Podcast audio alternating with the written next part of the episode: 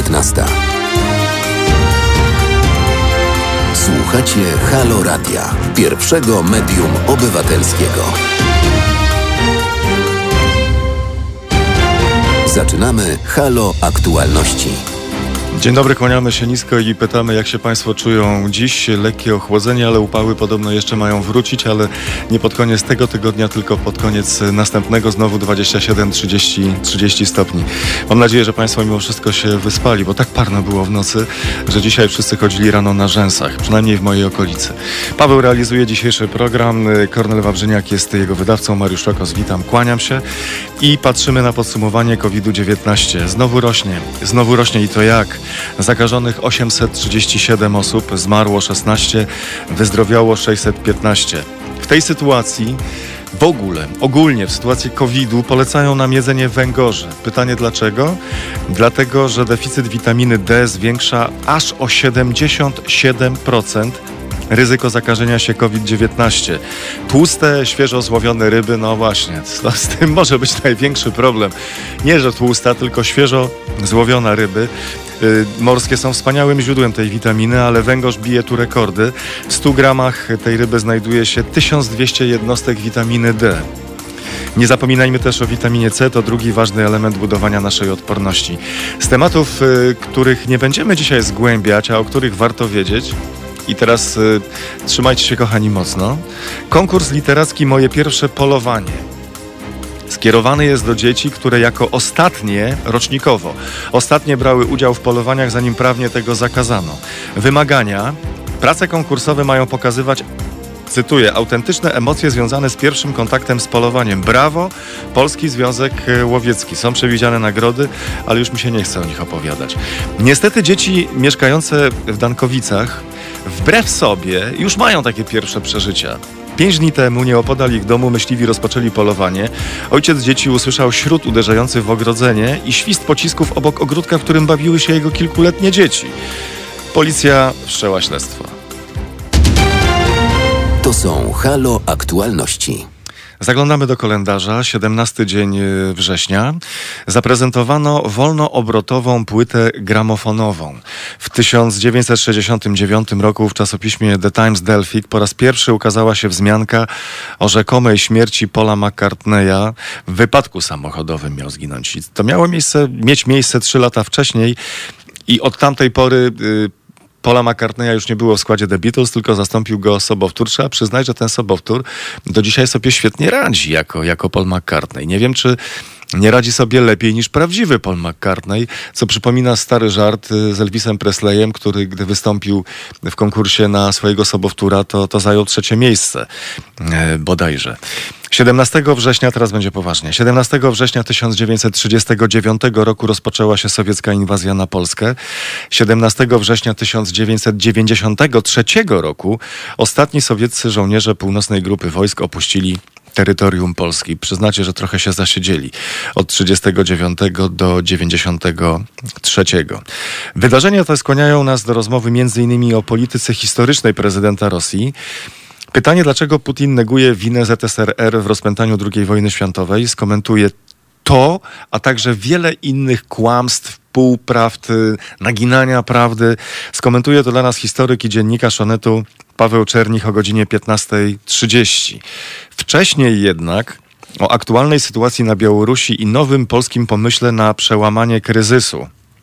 A ten pomysł polega z grubsza na tym, że ma powstać fundusz na stabilizację gospodarki finansowany przez Unię Europejską i Międzynarodowy Fundusz Walutowy.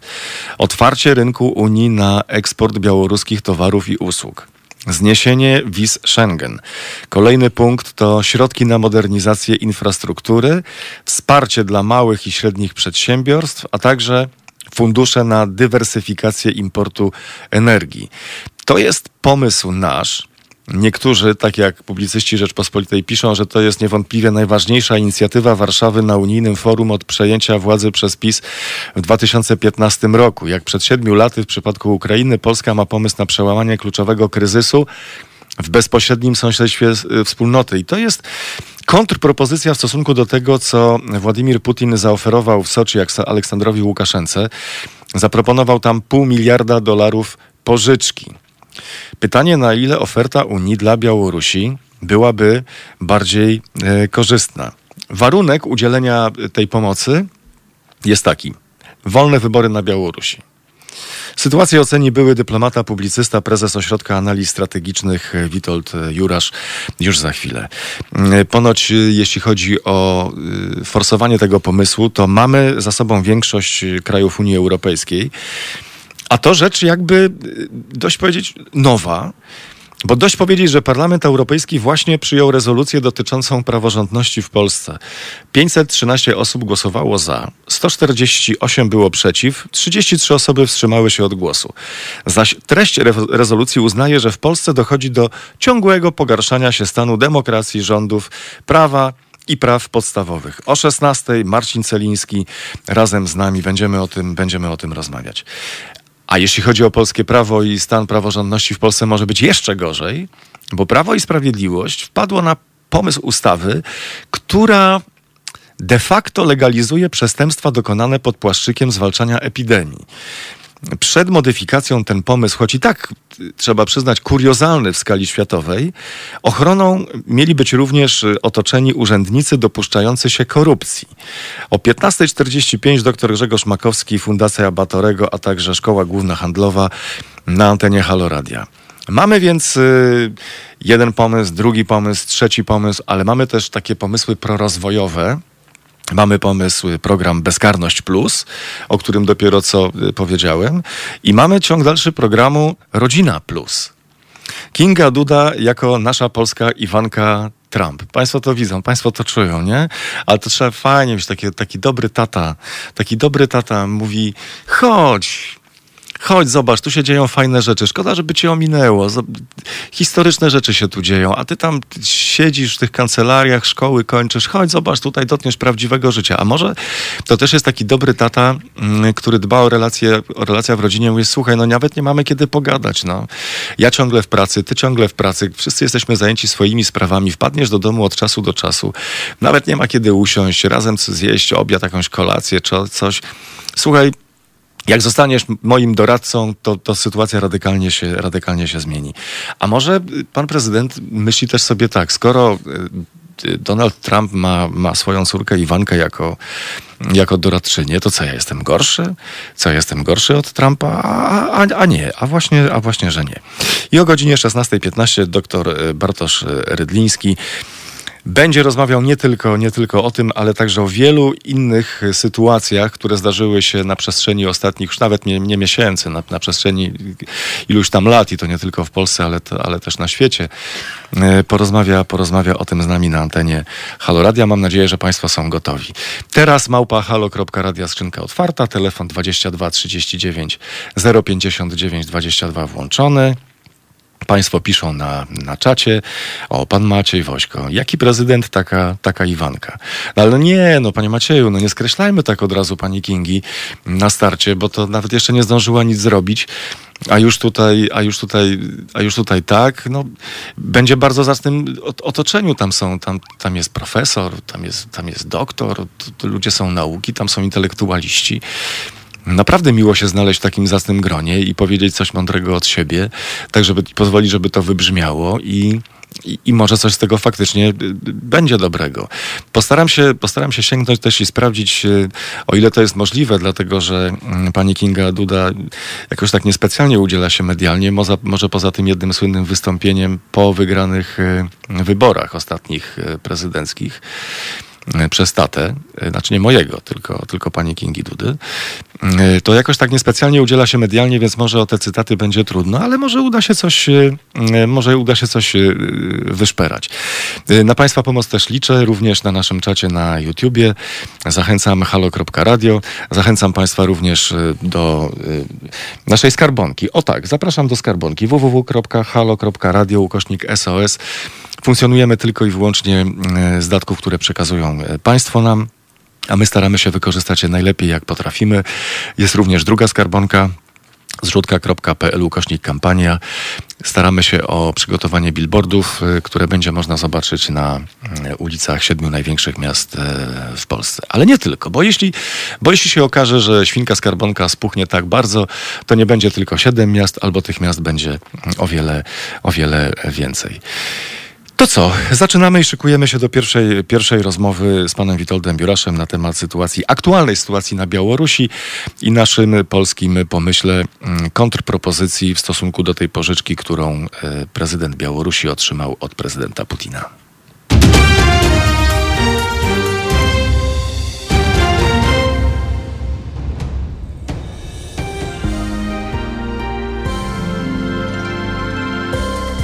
Dziś Od 19 do 21. Muzyk, animator życia kulturalnego, społecznik, a przede wszystkim świadomy obywatel Tomek Konca i jego fantastyczni goście. 19.21. www.halo.radio. Słuchaj na żywo, a potem z podcastów.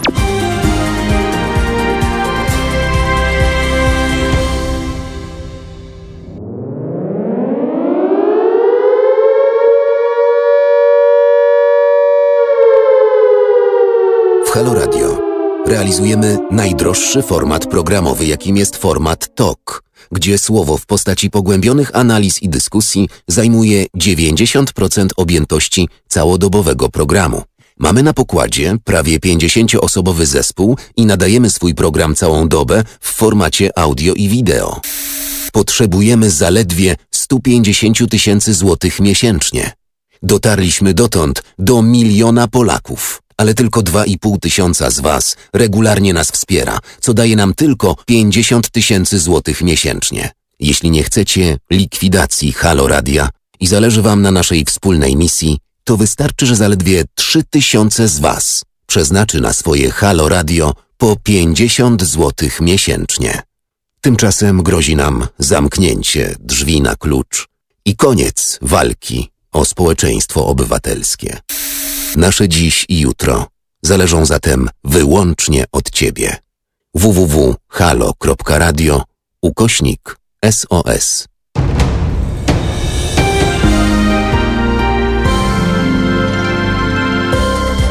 Halo Radio. Pierwsze medium obywatelskie.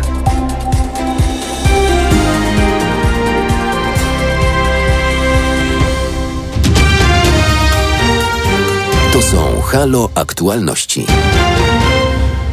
Zgodnie z obietnicą Witold Jurasz, prezes Ośrodka Analiz Strategicznych, kłaniam się nisko na antenie Halo Radia. Kłaniam się przede wszystkim Onet. Kłaniam Przede, wszy- przede wszystkim. Y, To chciałem powiedzieć na koniec, ale możemy też powiedzieć i na początku, i na końcu. Będzie nam bardzo, będzie nam bardzo miło. Zaczynamy od aktualnej sytuacji na Białorusi, czy od tej y, propozycji Polski, którą rzekomo popiera większość państw Unii Europejskiej. Kontrpropozycji do pożyczki półtora miliarda dolarów, którą ma obiecane Łukaszenka od Putina.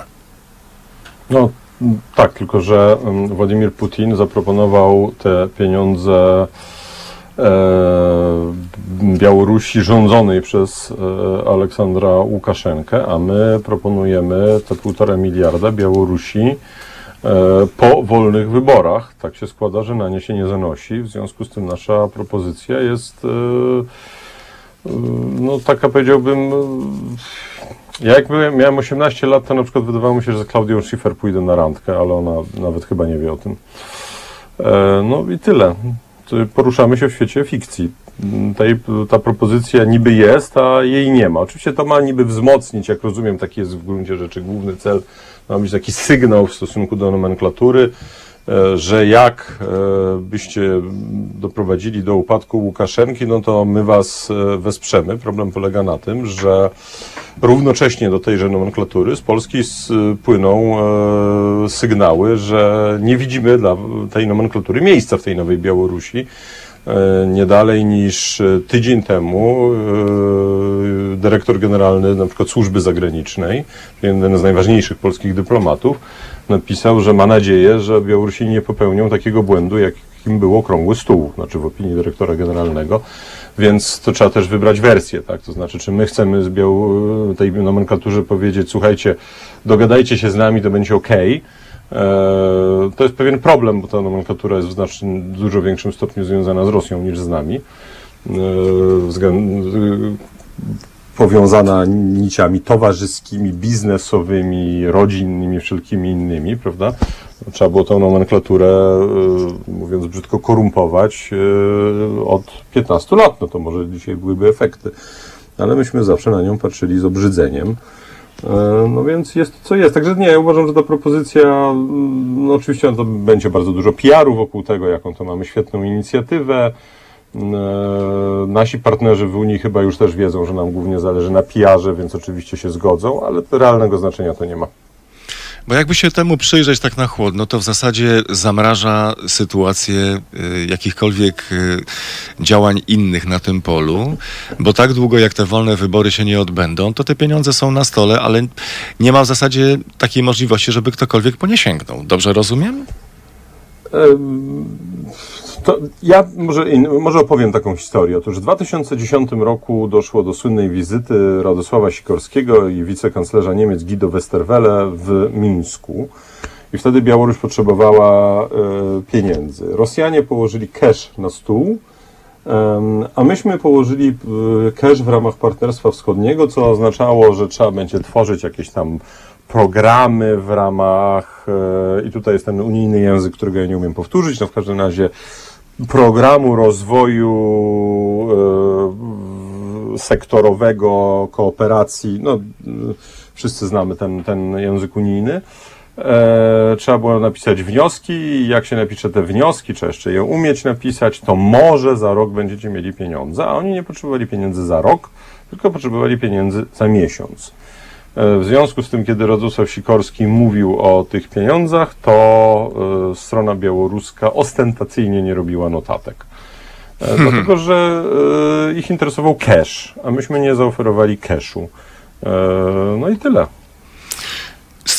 Tutaj rysuje nam się taki dosyć bardzo ciekawy, ciekawy, ciekawy yy, podział yy, albo układ. Z jednej strony Łukaszenko, a z drugiej strony nomenklatura, czyli cały, wszyscy ci ludzie, którzy przecież funkcjonują w, w, państwie rządzonym, jego twarzą jak jest Łukaszenka, ale przecież on nie robi wszystkiego sam to wynikałoby z tego, że można by się pokusić o taki scenariusz, że owszem, odbędą się wybory, wolne wybory, w dużej mierze koncesjonowane i zwycięzcą tych wyborów będzie właśnie ktoś z nomenklatury i oni wtedy powiedzą, no dobra, zrobiliśmy te wolne wybory, gdzie są pieniądze? No w ogóle z tą nomenklaturą to jest pewien kłopot, e, ale ta, to, to, to, to, to, to, to co... Yy, przepraszam, ja, my jesteśmy na ty, to mam udawać, że panie redaktorze mam mówić, czy mam Nie, mówić, Witoldzie, niczego nie no, musimy tak, udawać. Tak, tak to dobrze, okej. Okay. To przepraszam tych słuchaczy, którzy są przyzwyczajeni do konserwatywnej formy i nie powiem panie redaktorze tym e, punkcie. E, to, co powiedziałeś, że Łukaszenka nie rządzi sam, to jest w ogóle istota e, rzeczy. Tak naprawdę powstała cała klasa społeczna ludzi, którzy są zainteresowani kontynuacją tego systemu rządów. Rewolucje generalnie udają się wtedy, kiedy doły, czyli rządzeni, chcą system obalić, a z kolei elity nie, albo też chcą obalić, albo w każdym razie nie mają powodu bronić. E, czyli innymi słowy, żyją w przeświadczeniu, że będzie im się lepiej żyło po zmianie. E, ta zmiana, którą e, my proponujemy, wywołuje raczej strach wśród nomenklatury, co nie znaczy, że nomenklatura jest zadowolona z Łukaszenki, tylko że nomenklatura bardzo chętnie poprze, ale nie rewolucję, kontrrewolucję.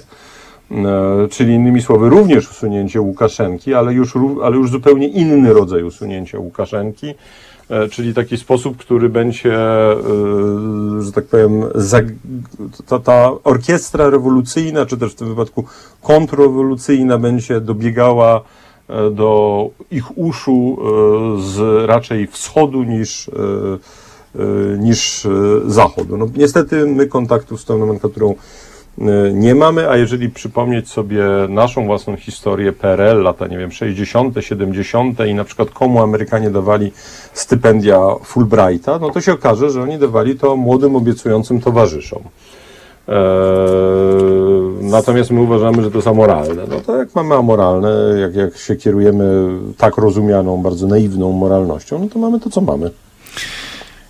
No to jak na twoje wyczucie? E, Putin położył na stole te półtora miliarda dolarów pożyczki, a czego mógł zażądać od Łukaszenki w zamian?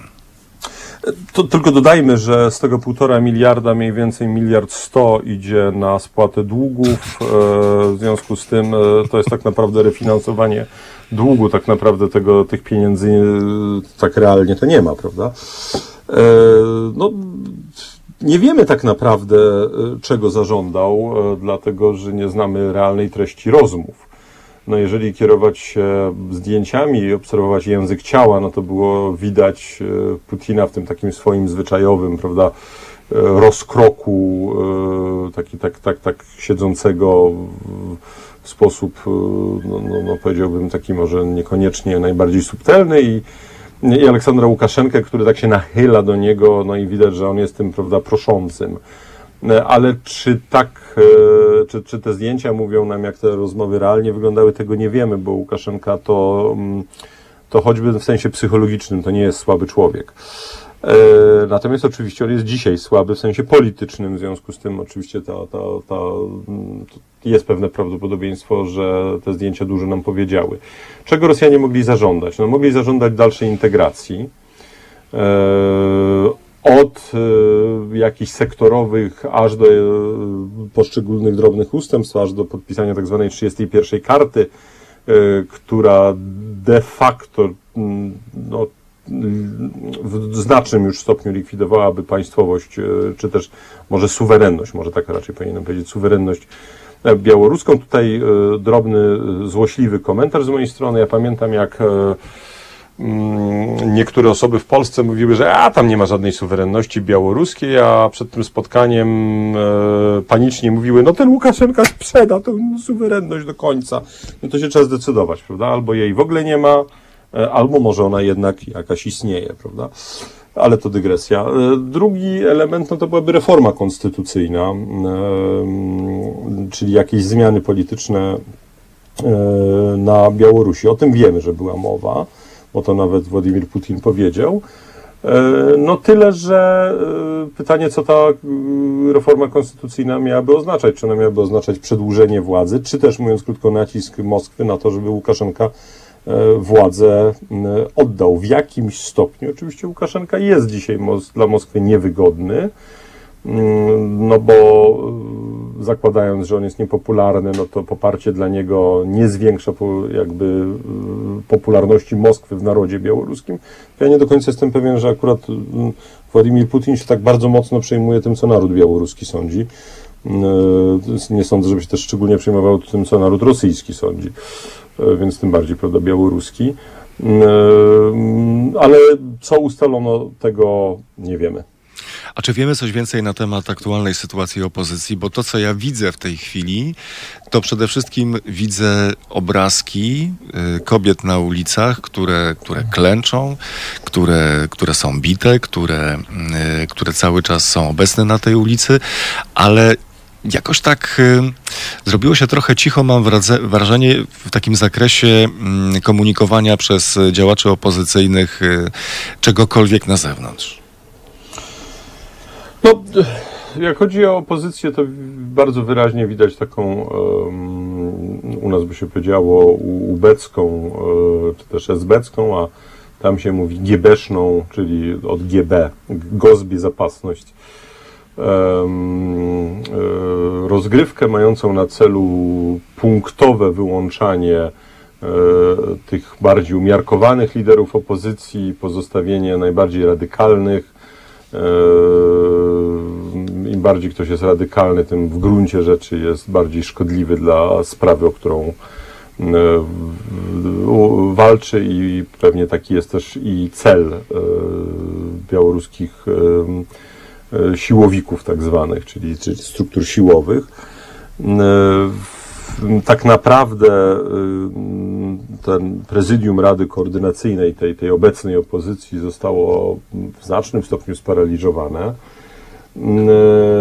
Ja tylko zwracam uwagę, że wszyscy mówiąc o opozycji mają na myśli mm, tą Radę Koordynacyjną, a jak ja przyglądam się tej Radzie Koordynacyjnej, no to ja jestem jednak zaniepokojony, dlatego że ja tam nie widzę, prawdę powiedziawszy, poza jednostkami takich polityków, co do y, oblicza y, ideowego, w tym sensie tej ideowości wyrażonej sympatiami do Zachodu lub Wschodu, E, No więc ja tych takich bardzo prozachodnich tam niestety e, nie widzę. Co więcej, kiedy przeprowadzałem wywiad z panem e, byłym ministrem kultury Pawłem Łatuszką i zadałem mu pytanie o, o, o to, e, któż to miałby rządzić tą nową Białorusią, no to jego odpowiedzi, to jakby tutaj nie, nie, nie popełniam żadnego fopa i nie, żadnej niedyskrecji, opowiadam po prostu o tym, co było w wywiadzie, który możecie Państwo przeczytać w Onecie, no to pan minister Łatuszka powiedział, że to miałaby być ta nomenklatura, co zresztą jest logiczne, biznes, czytaj nomenklatura,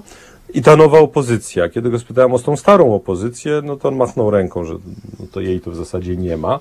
A to jest nieprawda, że jej nie ma.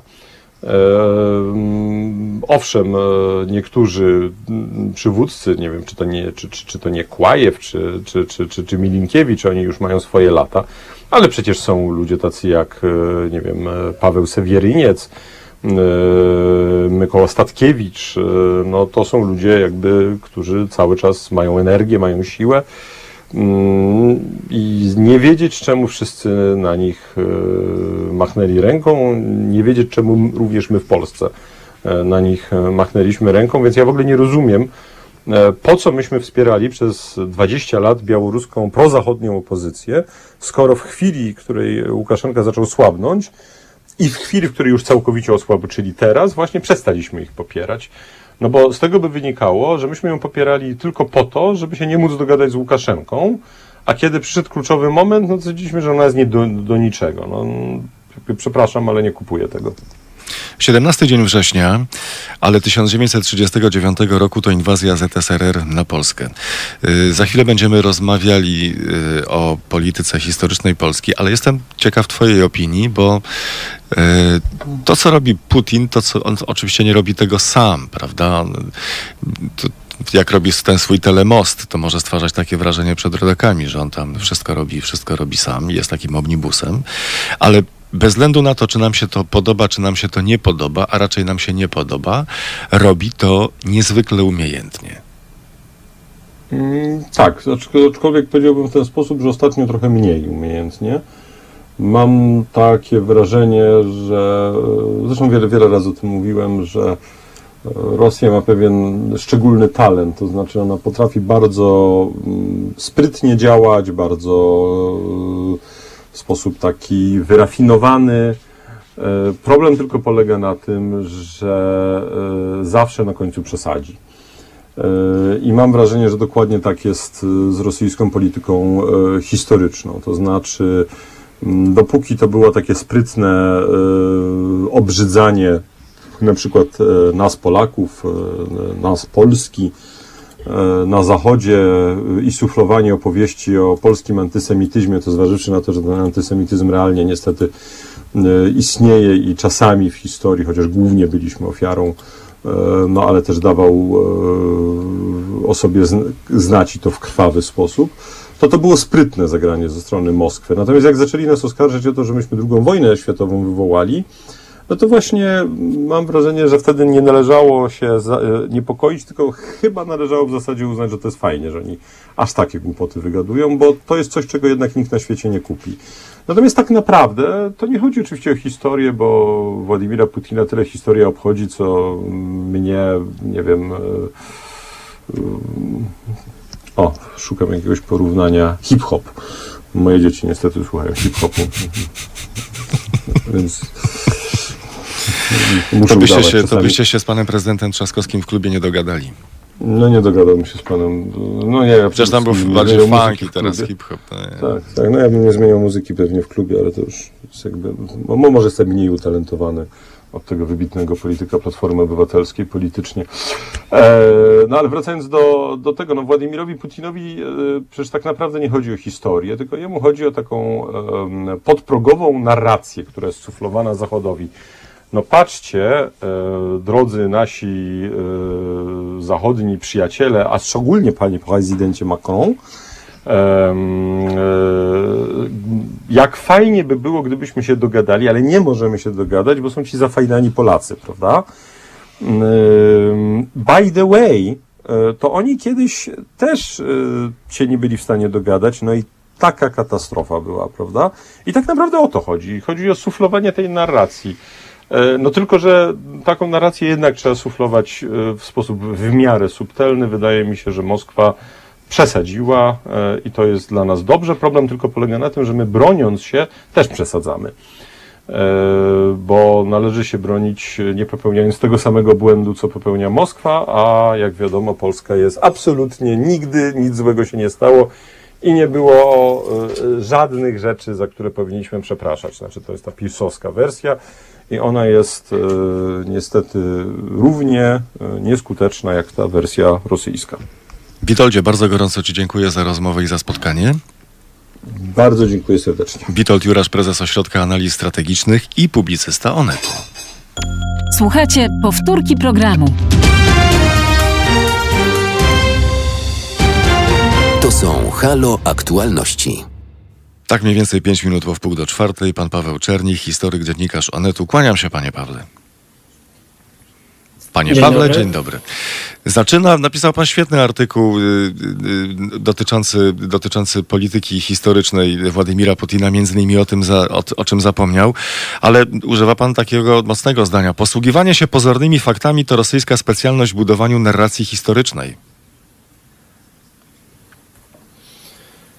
Czy to jest mocne zdanie? Nie wiem. Wydaje mi się, że to jest przede wszystkim zdanie mm, prawdziwe, bo jeżeli przeczytamy, czy to ten artykuł Władimira Putina opublikowany latem w amerykańskiej prasie, mm, czy wcześniejsze wypowiedzi rosyjskich historyków, to widzimy rzeczywiście, że e, oni posługują się wydarzeniami, które rzeczywiście miały miejsce w przeszłości z tym, że y, bardzo wygodnie dopasowują je sobie do kontekstu, y, omawiają bardzo często niewielki ich wycinek w taki sposób, aby pasował do ich aktualnej narracji historycznej. A narracja historyczna według Rosji jest taka, że nie było nigdy paktu Ribbentrop-Mołotow, y, Związek Sowiecki nigdy nie splamił się współpracą z Hitlerem i ZSRR jako mm, jeden z nielicznych krajów na świecie był tym sprawiedliwym, który od początku do końca walczył z hitlerowskimi Niemcami.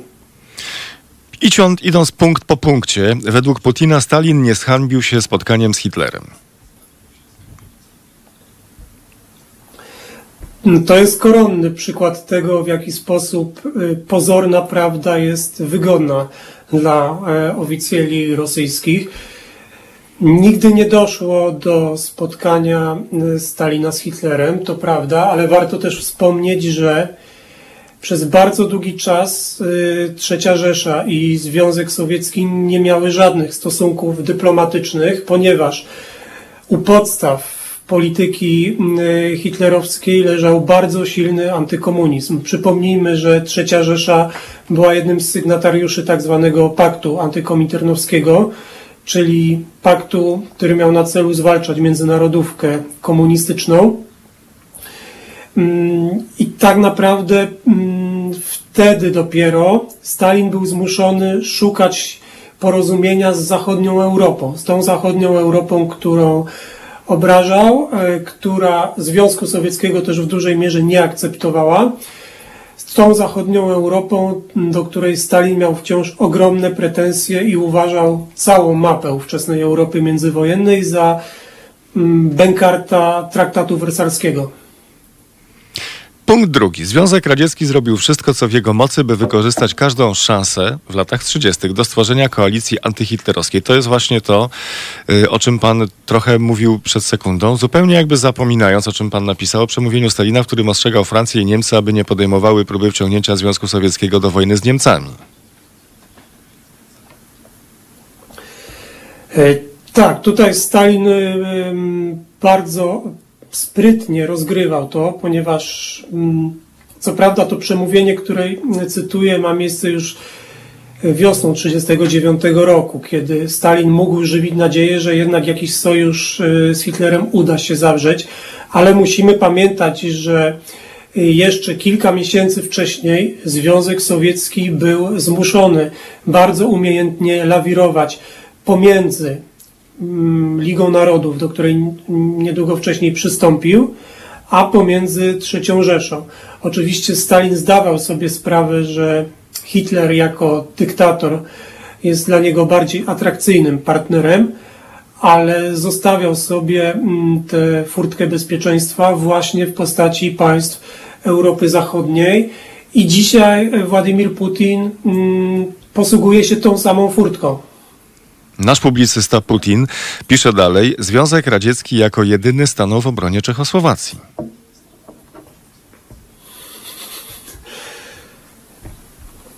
Rzeczywiście to jest, y, to jest argument, z którego dyplomacji polskiej, gdyby kiedykolwiek rzetelna dyskusja została podjęta, to z tego argumentu polskiej dyplomacji byłoby się najtrudniej wybronić, bo jest faktem, że Polska wzięła udział w tak zwanym rozbiorze Czechosłowacji po traktacie monachijskim i zajęliśmy za Olże. I to powoduje rzeczywiście, że mm, Putin znowu ma pretekst, żeby traktować Polskę jako sojusznika hitlerowskiego, który ramię w ramię dokonywał rozbioru neutralnego państwa i dopiero później, kiedy Trzecia Rzesza najechała na Polskę, Polska wcieliła się w, roli, w rolę ofiary. Y, gwoli ścisłości Związek Sowiecki nie stanął w obronie Czechosłowacji. Y, przynajmniej stenogramy z Monachium z 1938 roku nic takiego nie dowodzą. Y, za to pamiętniki sekretarza generalnego Kominternu Georgija, Bułgara Georgija Dymitrowa mówią co innego, że Stalin z zadowoleniem przyjął rozbiór Czechosłowacji, ponieważ e, liczył na to, że zgodnie z tą komunistyczną logiką dziejów państwa kapitalistyczne rzucą się sobie do gardeł i osłabią, co umożliwi ewentualny podbój e, Sowietom. Zbliżamy się coraz bardziej do naszego podwórka, bo na razie krążymy, krążymy. Kolejny cytat. Nawet pod naciskiem zachodnich sojuszników, y, pisze Putin, polskie władze odrzuciły ideę wspólnego działania z Armią Czerwoną w walce z Wehrmachtem. Koniec cytatu.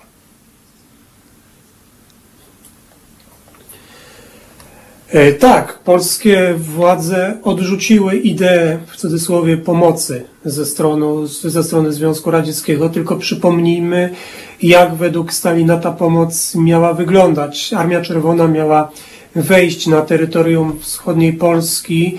Nieprzypadkowo ta trasa wiodła mm, i przez Wilno, i przez Lwów, mm, bowiem Stalin liczył na to, że uda się zaanektować Kresy Wschodnie i w bardzo podobny sposób usiłowano wymusić e, analogiczne ustępstwa na Rumunii. A w jaki sposób Putin tłumaczy inwazję na Polskę 17 września 1939 roku?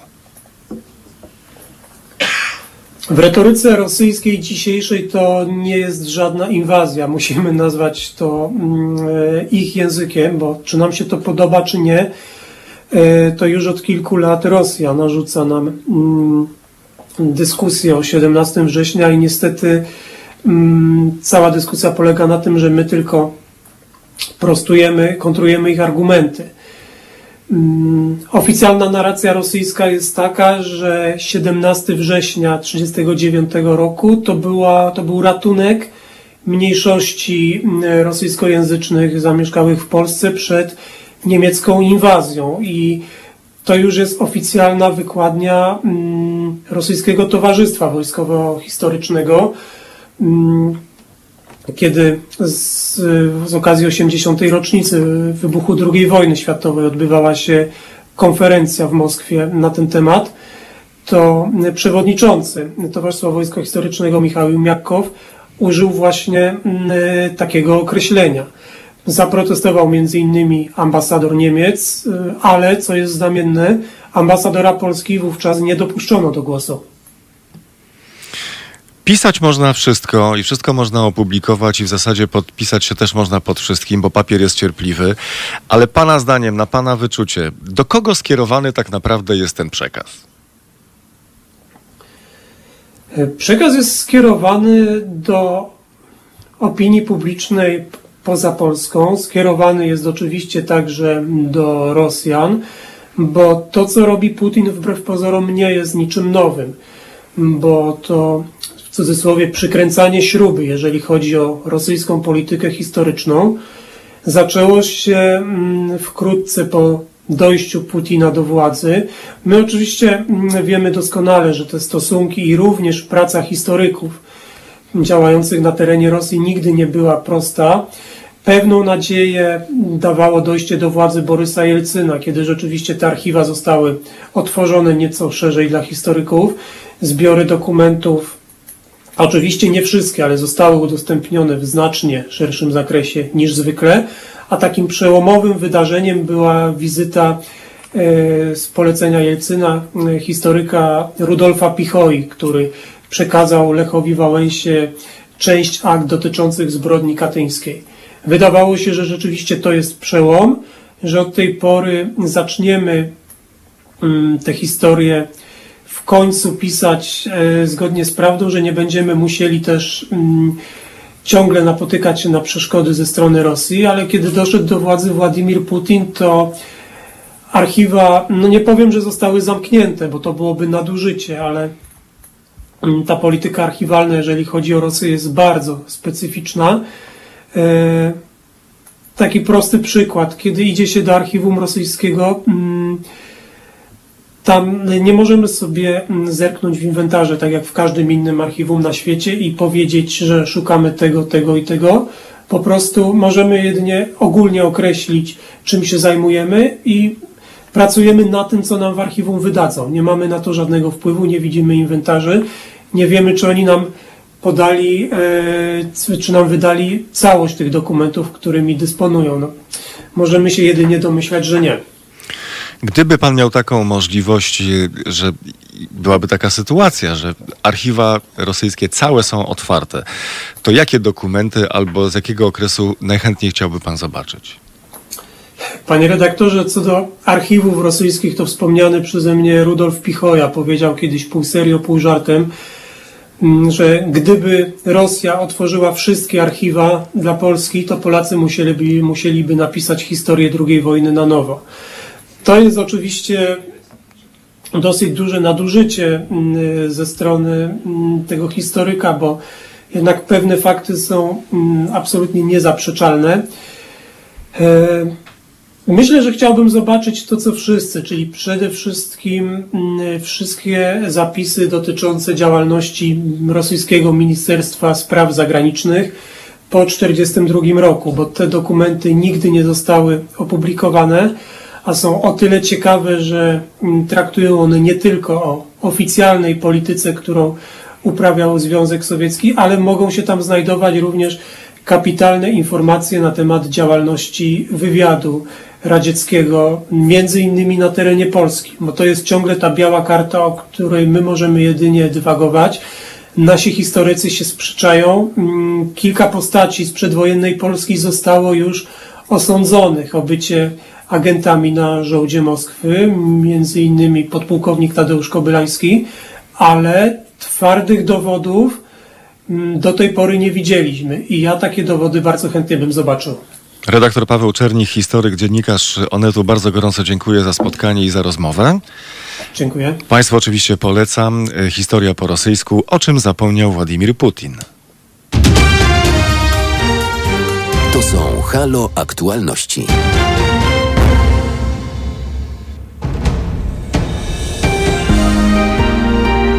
niedzielę po kościele. Od 21 do 23 publicysta i wydawca Marcin Celiński wraz z Państwem i swoimi gośćmi będzie sumować tydzień 19-21. www.halo.radio. Słuchaj na żywo, a potem z podcastów.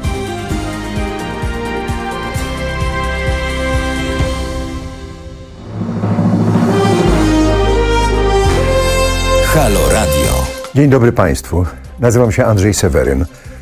Brałem udział w dwóch audycjach w Halo Radio z panią redaktor Żakowską i z panem redaktorem Przełajskim. Polecam państwu to radio. To radio, które zmusza do myślenia, to radio, które ma czas. Rozmowy nie są szybkie, ale są pełne. Rozmowy te to rozmowy z niespodziankami. Serdecznie zapraszam. Andrzej Seweryn. www.halo.radio ukośnik SOS.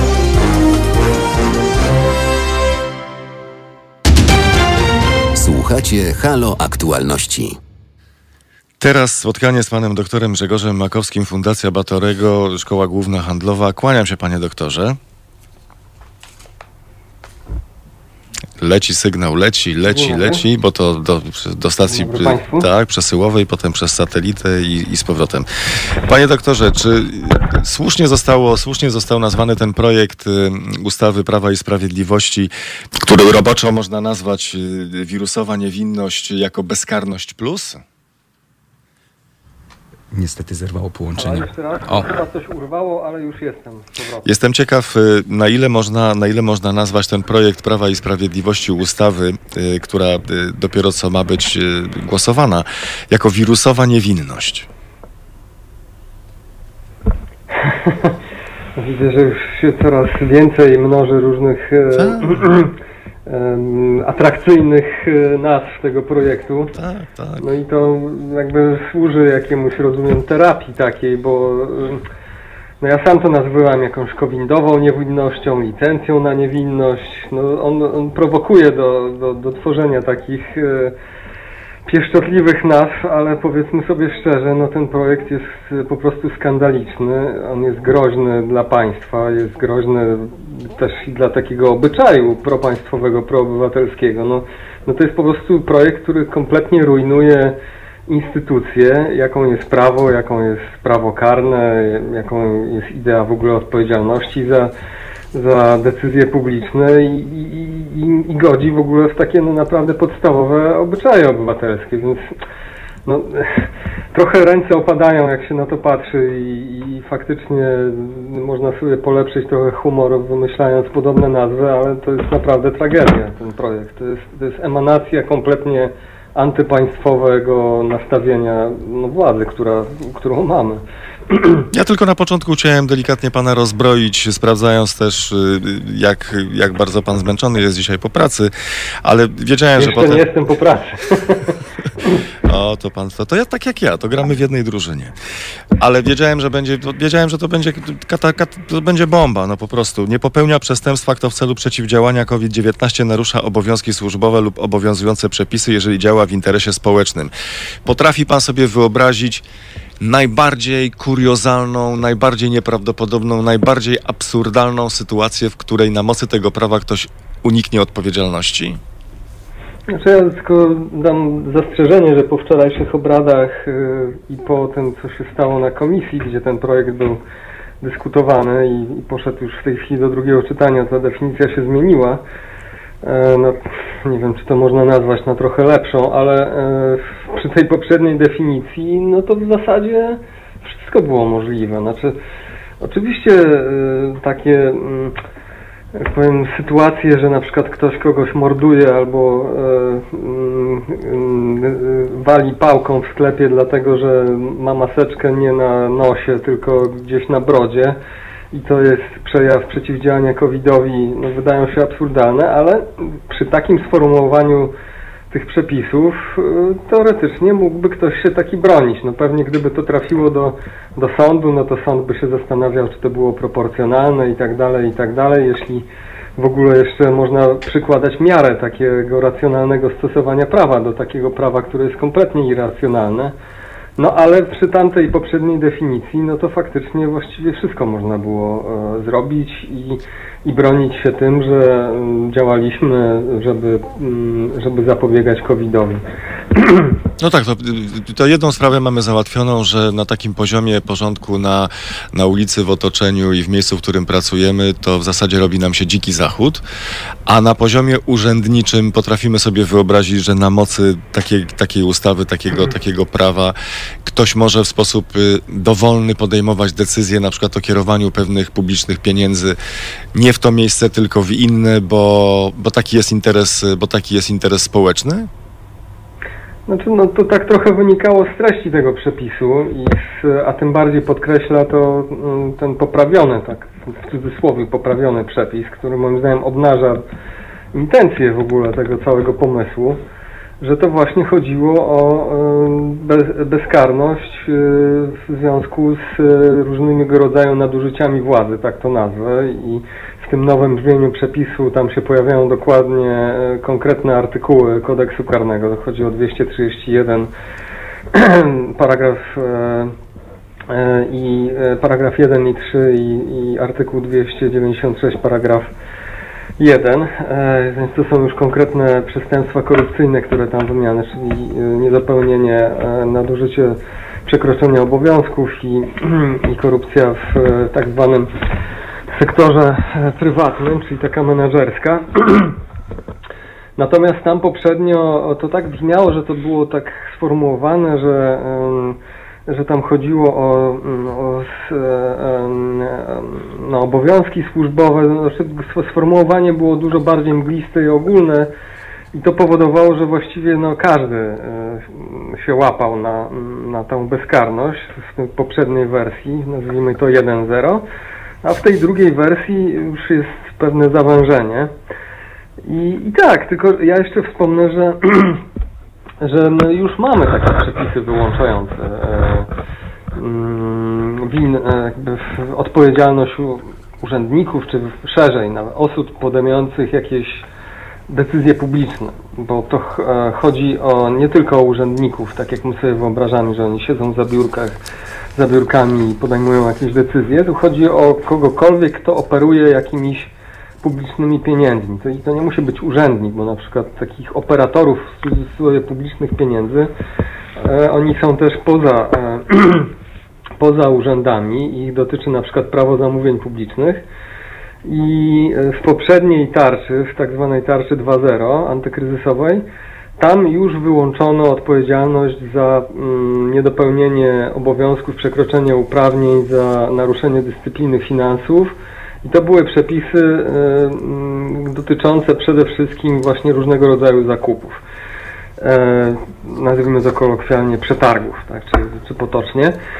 E, I jak to zadziałało, no to już się żeśmy przekonali, tak? To znaczy mamy skandal z maseczkami, mamy skandal z, mm, z respiratorami, które, w których umoczono kilkadziesiąt milionów złotych i one nie działają, nie zostały dostarczone, tych pieniędzy nie można używać. Teraz mamy, mamy skandal z, z przepłaconymi testami. Y, mamy skandal teraz kolejny, być może z przepłaconymi bezużytecznymi testami z Korei. Więc y, no, jak się rozluźnia y, odpowiedzialność, no to później się nie boimy tej odpowiedzialności i sobie robimy na prawo i lewo różne rzeczy. Więc to, jak to działa, to już żeśmy się zdążyli przekonać w ciągu dosłownie paru tygodni. Premier jest w pewnym sensie chroniony, dlatego że on ewentualnie może stanąć przed y, Trybunałem Stanu y, za, za, różne swoje, za różne swoje dokonania, y, między innymi za niezgodne z prawem y, wprowadzenie, zlecenie Poczcie Polskiej przeprowadzenia, przeprowadzenia wyborów. Y, ale schodząc, schodząc niżej, to... No, niekoniecznie, znaczy ja nie jestem karnistą, ale wydaje mi się, że jakby jeszcze nie jest tak, że, że pana premiera ewentualnie nie mogłyby dotyczyć w przypadku stwierdzenia jego winy też i no, inne konsekwencje, więc wydaje mi się, że to nie jest tylko Trybunał Stanu. Ale schodząc niżej, schodząc niżej, to tym parasolem są objęci, mogą, byliby ewentualnie objęci także ludzie, którzy na niższym szczeblu, którym wolno tak naprawdę wszystko, mówiąc krótko. To znaczy w imię właśnie tego y, interesu społecznego i, i walki z COVID-em, można na przykład powiedzieć, że od dzisiaj albo od jutra nie będą brakować, piekarze w ogóle nie będą pracować, a kowale już mogą pracować. Mm, no, No. zasadniczo tak. Aczkolwiek No, można. przypominam o, o tym nowym, odświeżonym brzmieniu tego przepisu i tak mówię, on ma dotyczyć e, tych przestępstw, tak to nazwijmy, sensu stricte korupcyjnych. I wspomniałem właśnie o tym nadużyciu uprawnień, przekroczeniu obowiązków i tej korupcji menedżerskiej. Więc jeżeli e, to zostanie mm, w ten sposób uchwalone, no to e, jakby to dalej nie, po, nie poprawi stanu praworządności w Polsce, ale jeszcze go pogorszy, ale ta sytuacja, o której Pan wspomni, no to już się nie zdarzy. Więc jeżeli mogę szukać jakiegoś pocieszenia, no to, to że, że może być troszkę lepiej, co nie oznacza, że, e, że mimo wszystko to będzie i dalej zapaść praworządności w tym kraju. Bardzo gorąco dziękuję. Tylko za nie tak głęboka. Bardzo gorąco dziękuję za, za spotkanie. Proszę już o kolejną rozmowę, jak już zapadną kolejne decyzje, bo obaj przyglądamy się temu z szeroko otwartymi oczami, podobnie jak słuchacze Haloradia. Doktor Grzegorz y, Makowski, Fundacja Batorego, Szkoła Główna Handlowa. Dziękuję pięknie za spotkanie. Dziękuję, do usłyszenia, do widzenia.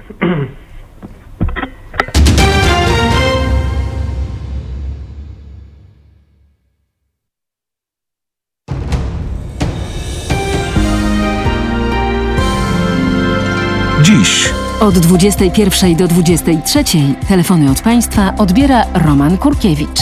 Rozmowa, dialog, zrozumienie i żadnej agresji. 21-23. Zapraszamy. www.halo.radio. Słuchaj na żywo, a potem z podcastów.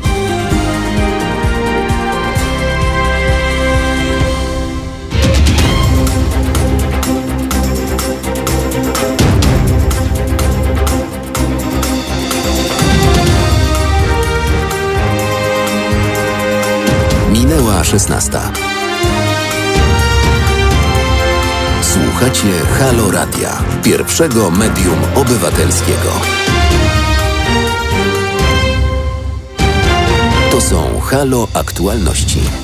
Pan Piotr życzliwie pyta, jaki temat y, teraz. Y, Już za chwilę przejdziemy do Parlamentu Europejskiego, który przyjął rezolucję dotyczącą praworządności w Polsce. A w tej chwili małe podsumowanie COVID-19. Zakażonych 837 osób, zmarło 16, wyzdrowiało 615.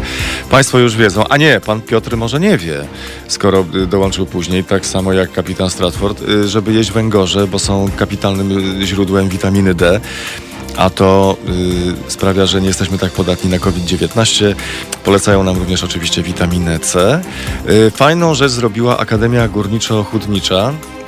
W różnych częściach kampusa, na placach, y, miejscach takich, w których studenci się zazwyczaj spotykają, rozstawili dynie. Prawdziwe, świeże dynie.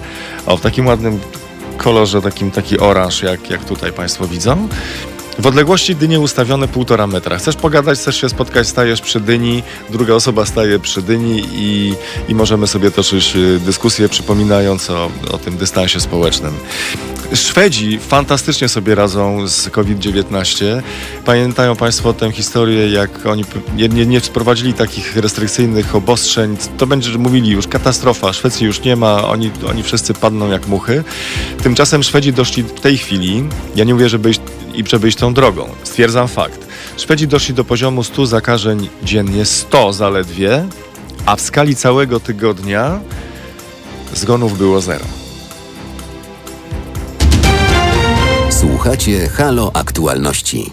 Zgodnie z obietnicą Parlament Europejski przyjął rezolucję dotyczącą praworządności w Polsce i o tej rezolucji rozmawiamy z panem Marcinem Celińskim. Kłaniam się nisko. Panie Marcinie, y, pan Marcin, Kłaniam się, dzień dobry. pan Marcin znany również z anteny Halo Radia w niedzielę między 21 a 23 najbliższą niedzielę. Co będzie w programie? No, zapewne pogadamy też o tej rezolucji, ale bardziej będę chciał rozmawiać o tym, o ruchach. E, O ruchach, które w Polsce próbują się tworzyć, jakie mają szanse e, i czy to w ogóle ma sens. E, Te kolejne ruchy w momencie, kiedy i tak nie jesteśmy w stanie dać sobie rady z obecnymi partiami, po co nam nowe. To potraktujmy w kategoriach rozgrzewki tę rozmowę na temat rezolucji w sprawie praworządności w Polsce. Wydawać by się mogło, że wynik, y, wynik tego głosowania wcale nie będzie przesądzony, albo że nie będzie może aż tak jednoznaczny, jak mi się wydaje. 513 osób za, przeciw 148, wstrzymało się od głosu, wstrzymały się 33 osoby. To Znaczy, on jednak był do przewidzenia, bo w tym e, gronie e, przeciwnych bądź wstrzymujących się no, są te ugrupowania, które się eufemistycznie nazywa eurosceptycznymi, no, w związku z czym e, e, w związku z czym oni przeważnie głosują przeciwko takim e, rezolucjom. E, Myślę, że jeżeli nawet część e, Europejskiej Partii Ludowej e, wahała się co do tego, jak się zachować w tym konkretnym e, głosowaniu, e, to zdaje się, że dyskusja była dosyć przekonywująca. Dyskusja, w której nie tylko argumenty na temat Polski padały, ale także na temat naszych e, przyjaciół i m, e, no jakby e, pierwowzoru przeróżnych naszych działań, czyli Węgier. E, e, Myślę, że argument węgierski był bardzo silnym e, argumentem za rezolucją dotyczącą praworządności w Polsce. Ale ten argument pojawił się dlatego, że już mamy wystarczająco dużo problemów y, z Węgrami, im troszeczkę za bardzo popuściliśmy, w związku z tym tu postawimy tamę? Ton wypowiedzi był mniej więcej taki, e, kiedy była mowa o tym, że należy być w dialogu, to podstawowy argument zbijający to był taki, że z Węgrami jesteśmy przez 10 lat e, w dialogu i nic z tego zupełnie nic nie wynika. Czyli Węgrzy skorzystali z tej ścieżki trochę łagodniejszej. E, okazało się, że ona jest nieskuteczna. E, dzięki temu my dostajemy propozycje ścieżek dużo ostrzejszych. Węgrzy przy okazji, ale my jakby na nas e, te procedury są po raz pierwszy, po raz pierwszy testowane, jak zadziałają.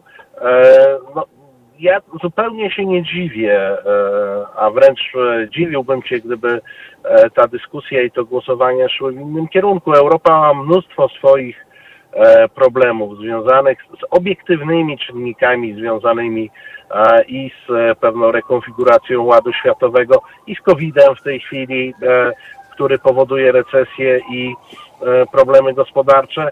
I z punktu widzenia tak zwanej starej Europy, czy tego koru Unii Europejskiej, e, zajmowanie się Polską, Węgrami i tego typu problemami, które e, w, starych, w starej Europie nie są znane. To, to są problemy dosyć egzotyczne jest dla nich stratą czasu i energii.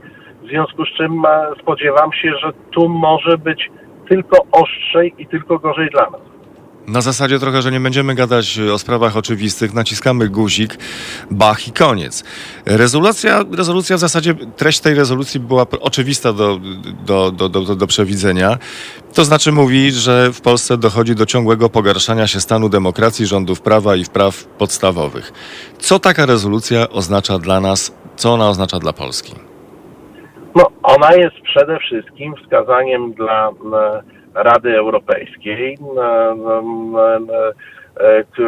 wskazaniem, że ma kontynuować procedury po pierwsze badania stanu praworządności, po drugie, no jest wyraźne wskazanie e, powiązania spraw budżetowych z przestrzeganiem e, praworządności, jak również jest wyraźne wskazanie na temat tego, że można rozważyć, tam jest między w takim małym akapicie zapis, że można rozważyć e, coś w rodzaju ograniczenia praw członkowskich, e, czyli e, stworzenia dla Polski w tym przypadku statusu członka Unii Europejskiej drugiej kategorii.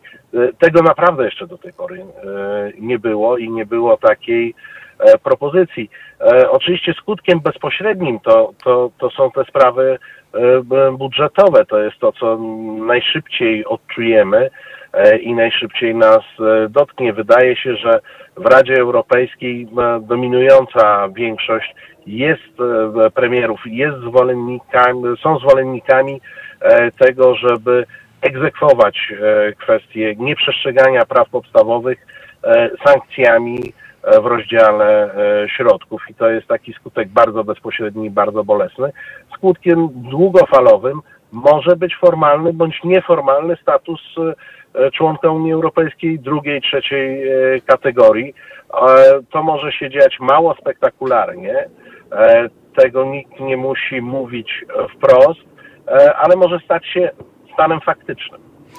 A czy ta rezolucja może stać się wskazówką dla sądów innych niż ten sąd w Amsterdamie, który powiedział: Nie będziemy teraz wydawać Polsce ludziom, y, którzy zostali zatrzymani na przykład na podstawie europejskiego mm, nakazu aresztowania, dlatego że oni nie mają szans na to, żeby w Polsce zostać y, osądzeni tak, jak powinni być osądzeni. To inne sądy w innych krajach, powołując się na tę rezolucję, mogą pójść tym tropem? E, Z tym stanem rzeczy mamy e, pełzająco do czynienia od czasu orzeczenia Komisji Weneckiej. E, To jest tylko wzmocnienie tego samego przekazu. W prawodawstwie każdego cywilizowanego państwa e, jest, są zapisy w naszej cywilizacji, czy tej, do której aspirujemy, są zawsze zapisy dotyczące współpracy prawnej, począwszy od pomocy prawnej, skończywszy na ekstradycjach i e, przekazywaniu, zawsze są warunkowane prawem do uczciwego procesu w miejscu, do którego, do którego ktoś ma e, po, polecieć jako w ramach ekstradycji, bądź e, organów, e, prawidłowości działania organów, e, które zwracają się o pomoc e, prawną. No tutaj mamy po raz kolejny stwierdzenie, że polskie organy wymiaru sprawiedliwości nie zapewniają e, uczciwych procesów, a, a i polskie organy ścigania także nie spełniają podstawowych e, kryteriów, w związku z czym e, i pomoc prawna, jakakolwiek ze strony e, odpowiednich organów państw Unii Europejskiej, jak i choćby e, egzekucja listów e, gończych, czyli, przepraszam, europejskich nakazów zatrzymania, czy jakiejkolwiek innej współpracy. No mieliśmy taką sytuację w przypadku Marka Falenty, że on został ujęty dzięki ścisłej współpracy policji polskiej i hiszpańskiej. Tego typu działania, e, ja nie twierdzę, że one przestaną e, e, istnieć, że takiej współpracy nie będzie, ale ona na pewno będzie podejmowana po dłuższym rozpatrzeniu sprawy niż w sytuacji, w której z automatu państwa Unii Europejskiej przyjmowały wobec siebie nawzajem, że każde z nich jest praworządne i w każdym z nich jest możliwość uczciwego procesu i organy ścigania działają wedle standardów. Tu mamy powiedziane, nie, w Polsce nie przestrzega się e, podstawowych standardów, w związku z czym pozostawiamy to, e, tę sprawę nie tyle działaniu automatyzmu, jaki istnieje w normalnych układach pomiędzy państwami Unii Europejskiej, e, tylko zaczynamy rozważania właśnie sądowe. I każdy sąd w danym miejscu, bądź każda prokuratura, bądź władze policyjne w danym miejscu będą musiały każdorazowo podjąć decyzję o tym, czy w danym przypadku współpracować z polskimi odpowiednikami. Robi się niezły, robi się niez, niezły bałagan, a to nie koniec, dlatego że autorzy dokumentu wzywają także polski rząd do szybkiego wdrożenia orzeczeń Trybunału Sprawiedliwości Unii Europejskiej oraz, uwaga, do poszanowania nadrzędności prawa Unii. No to tutaj akurat, e, no jakby to powiedzieć, oni chyba wiedzą, że to jest e, wołanie na puszczy, bo polski rząd czasami potrafił e, udawać, że przyjmuje do wiadomości to, co e, to, co wynika z poszczególnych decyzji, czy organów europejskich, czy orzeczeń Trybunału, Sprawiedliwości. Natomiast chyba obecny rząd nie jest zdolny do tego, żeby się ugiąć. Myślę, że to podstawowa przyczyna leży w tym, że obecny rząd nie prowadzi żadnej polityki zagranicznej ani żadnej polityki europejskiej. Wszystkie działania, które ten rząd prowadzi, e, są podyktowane przyczynami wewnętrznymi. I teraz, e, czy umiemy sobie wyobrazić, że Zbigniew Ziobro i Jarosław Kaczyński e, stają przed kamerami i mówią, że w jakiejkolwiek sprawie się mylili, a na przykład Trybunał Sprawiedliwości miał e, rację, e, no to jest, e, to jest sytuacja niewyobrażalna. No, gdybym był złośliwy, to bym powiedział, że ona jest możliwa tylko w jednym przypadku, e, gdyby na ten temat zatweetowała pani ambasador Mosbacher. E, To być może wtedy e, uznaliby, że należy e, się wycofać. E, e, polski rząd e, ma problem z prawem, ma poważne problemy prawne. W tym tygodniu e, dostaliśmy dwa orzeczenia. Dostaliśmy orzeczenie Wojewódzkiego Sądu Administracyjnego w sprawie wyborów kopertowych i dostaliśmy orzeczenie Sądu Najwyższego w sprawie ustawy dezubekizacyjnej i pierwsza reakcja naszych miłościwie rządzących to było kwestionowanie tych wyroków. No, jeżeli ma się we krwi to, że po pierwsze się nie zgadzam z wyrokiem, a po drugie jestem mądrzejszy od każdego sądu czy trybunału, to to wezwanie e, e, zapewne nie będzie wykonane, nawet jeżeli rząd będzie coś markował i to doprowadzi i da uzasadnienie kolejnym ruchom wewnątrz Unii Europejskiej, które są zapowiedziane, ruchom i budżetowym, i kategorii członkostwa. Czy naprawdę jedynym batem w tej sytuacji są pieniądze?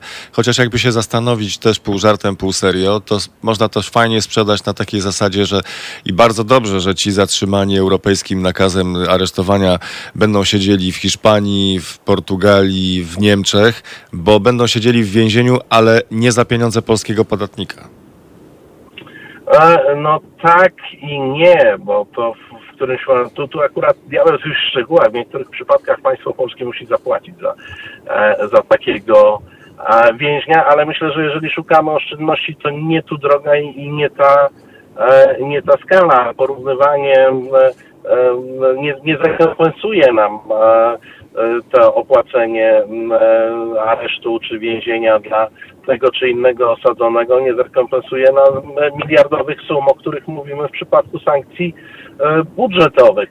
E, co jest, e, jak sądzę, dla nas sytuacja bardziej niż bardziej niż niekomfortowa, a sięganie po środki budżetowe, no to, to wydaje się, że to jest już taka ostateczność, no bo cóż jeszcze organy Unii Europejskiej, Parlament Europejski, Rada Europejska mogą zrobić w przypadku państwa, e, co do którego wszystkie e, e, środki perswazyjne, wezwania i tym podobne rzeczy po prostu zawiodły.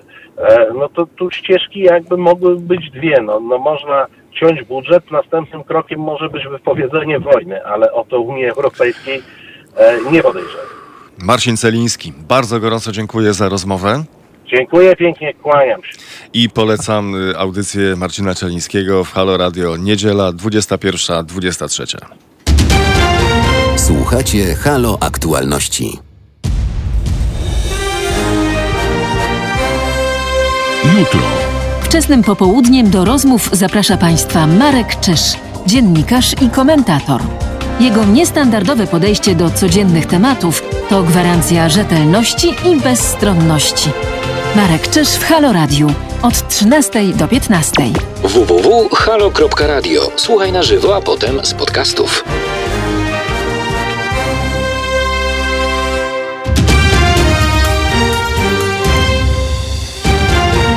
Słuchacie Halo Aktualności. I łapiemy głęboki oddech i już rozmawiamy y, z panem doktorem Bartoszem Rydlińskim. Kłaniam się nisko, panie doktorze. Dzień dobry panu, dzień dobry państwu. Widzę, po, słyszę po głosie, że jest pan w uderzeniu dzisiaj. W uderzeniu? Czy ja wiem? Tak, jak tenisiści są w uderzeniu, tak pan jest w uderzeniu. Rozjuszyła pana, rozbawiła pana, y, skłoniła do refleksji, y, uruchomiła lawinę skojarzeń, y, informacja o tym, że pani Kinga Duda, córka prezydenta Andrzeja Dudy, zostanie jego społecznym doradcą. No panie redaktorze, szanowni państwo, oczywiście się y, czułem lekko y, zaskoczony, y, bo gdyby to jeszcze była informacja, można powiedzieć, taka ukrywana, poufna, natomiast, prawda, od razu myślałem rano, nie no, to jest jakiś fake news, ale wszedłem na stronę prezydenta, kancelarii, patrzę, nie no, jest pani Kinga Duda, prawda, oficjalnie to jeszcze w podobnej zakładce jak profesor Zybertowicz, więc się zastanowiłem w takim razie, w którym to kierunku idzie. Natomiast zaraz druga myśl, która przyszła mi do głowy, była następująca. Jaka byłaby reakcja posłów Prawa i Sprawiedliwości e, w 2003 roku, gdyby Aleksandra Kwaśniewska była spo, społecznym asystentem, doradcą swojego ojca. Co by było, gdyby Maja Komorowska, skądinąd znana działaczka NGO-sowa, była również wymieniona na stronie prezydenta Rzeczypospolitej jako doradczyni społeczna swojego ojca Bronisława Komorowskiego. Przypuszczam, że wtedy byłoby larum, wręcz e, olbrzymie oburzenie, jak to może mieć miejsce e, Republika Bananowa i e, Rzeczpospolita Kolesiostwa, prawda? A teraz tutaj widzimy, że no jakoś posłowie Prawa i Sprawiedliwości, kiedy dotyczy to ich obozu Zjednoczonej Prawicy i prezydenta z ich poręki, no tutaj wszystko uważają, że jest jak najbardziej. Okay. I sam prezydent Duda dzisiaj na Twitterze też skomentował, że tak, że dziękuję i potwierdza. No bo widzi pan, panie doktorze, bo to jest taka sytuacja, że y, jako taki działacz społeczny, to córka prezydenta nie pobiera pieniędzy, więc y, można powiedzieć oczywiście pół żartem, pół, pół serio, rodzina, rodzina plus, kolejny program pomocy, ale przecież tak naprawdę to, co jest najcenniejsze i co będzie później najcenniejsze w CV pani, pani Kingi, to jest to, że ona będzie mogła sobie wpisać, byłam doradcą prezydenta Rzeczypospolitej Polskiej, tak? Zgadza się, chociaż przypuszczam, że nawet jeżeli by aplikowała e, o jakąś ważną, istotną pracę w organizacjach międzynarodowych, to przypuszczam, że jednak tak zwani researcherzy będą wiedzieli, że jednak była to praca e, społeczna na rzecz swojego rodzonego ojca. E, natomiast oczywiście bycie w tak dostojnym gronie, bo nie ma tam dużo osób, bodajże 10, wiąże się nie z wynagrodzeniem finansowym, ale pewnym politycznym, symbolicznym prestiżem. W związku z tym oczywiście e, e, część e, głosów krytycznych względem tego, że Kinga Duda no, oficjalnie jest w tym gronie, są, jest uzasadnione. Chociaż z drugiej strony, mając na uwadze jej wystąpienie już po wygranych wyborach przez Andrzeja Dudę, to przypuszczam, że gdyby prezydent Rzeczypospolitej słuchał się swojej córki bardziej, chociażby w kontekście osób nieheteronormatywnych, no to może dobrze, że Kinga Duda faktycznie w tym gronie jest. Pytanie, czy, głos, czy jej głos będzie e, słyszalny, e, jednak śmiem wątpić. Nie chcę być przesadnie złośliwy, ale to może sygnalizować e, jakiś problem komunikacyjny w rodzinie.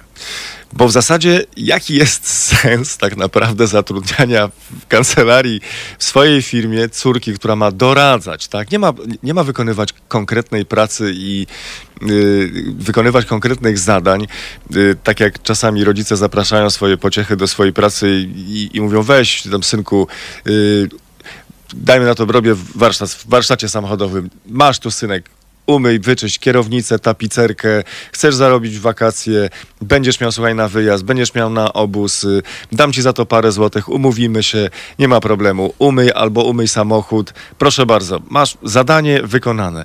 Ale przecież tutaj tak naprawdę to chodzi o jakiś głos, o rozmowę, o nic więcej. To przecież można normalnie z córką porozmawiać. Po co od razu robić z, z niej oficjalnie do, do, doradczynię? Może być tak, że prezydent Andrzej Duda... Yy w rozmowie ze swoim y, no, odpowiednikiem Donaldem Trumpem, prawda, z prezydentem Stanów Zjednoczonych, może doszło do wniosku, że skoro Iwanka Trump może y, być ważną postacią w administracji swojego ojca, no to może to jest ten kierunek, no, w którym należy podążać. Nie wiem, czy prezydent Duda zapomniał z kolei, albo nie wie, że niekoniecznie reżimy demokratyczne stosują podobne zwyczaje, prawda? No niedawno widzieliśmy chociażby Aleksandra Łukaszenkę, który w razie, no, można powiedzieć, pod eskortą własnego najmłodszego syna, Koli, prawda, z kałasznikowym, co prawda bez y, magazynka, y, no ale to też, prawda, pokazuje w jakimś sensie to, że ta polityka rodzinna ma swoje negatywne oblicze, prawda, czy chociażby córka prezydenta Nazarbajewa, prawda, wieloletniego prezydenta Kazachstanu, która też była postrzegana jako jeden z możliwych sukcesorek po swoim ojcu. E, e, więc oczywiście to się, czy rodzi się pytanie również PR-owe, takie ze strony doradców kancelarii prezydenta e, Dudy, czy zwyczajnie jakby nie docenili tego potencjału no jednak takiego wizerunkowego kryzysu. Bo przypuszczam, że oczywiście raz po raz, szczególnie politycy opozycji będą starali się to wyciągać. Natomiast może być również tak, że e, tak naprawdę ta informacja pojawiła się jako, jak to się mówi w świecie medialnym, jako wrzutka, prawda, żeby odciągnąć trochę o, naszą uwagę od niektórych rzeczy. Jak chociażby to, że wczoraj e, w klubie parlamentarnym Prawa i Sprawiedliwości w czasie pierwszego głosowania, jeżeli chodzi o piątkę dla zwierzaków, no nie każdy okazał się przyzwoitym człowiekiem, mówiąc e, Jarosławem Kaczyńskim. A może też chodzi o to, może też chodzi o to, że teraz w ramach oficjalnej wizyty, gdy prezydent będzie się wybierał na drugi koniec świata, to nie mógłby wziąć córki, tak? No bo niby z jakiej racji miałaby być częścią oficjalnej delegacji, ale teraz, kiedy jest y, społecznym doradcą prezydenta, to zmienia być może postać rzeczy. A to być może wiąże się już z nawiązywaniem jakichś kontaktów na całym świecie, poznawaniem ludzi. To wszystko może się później przydać.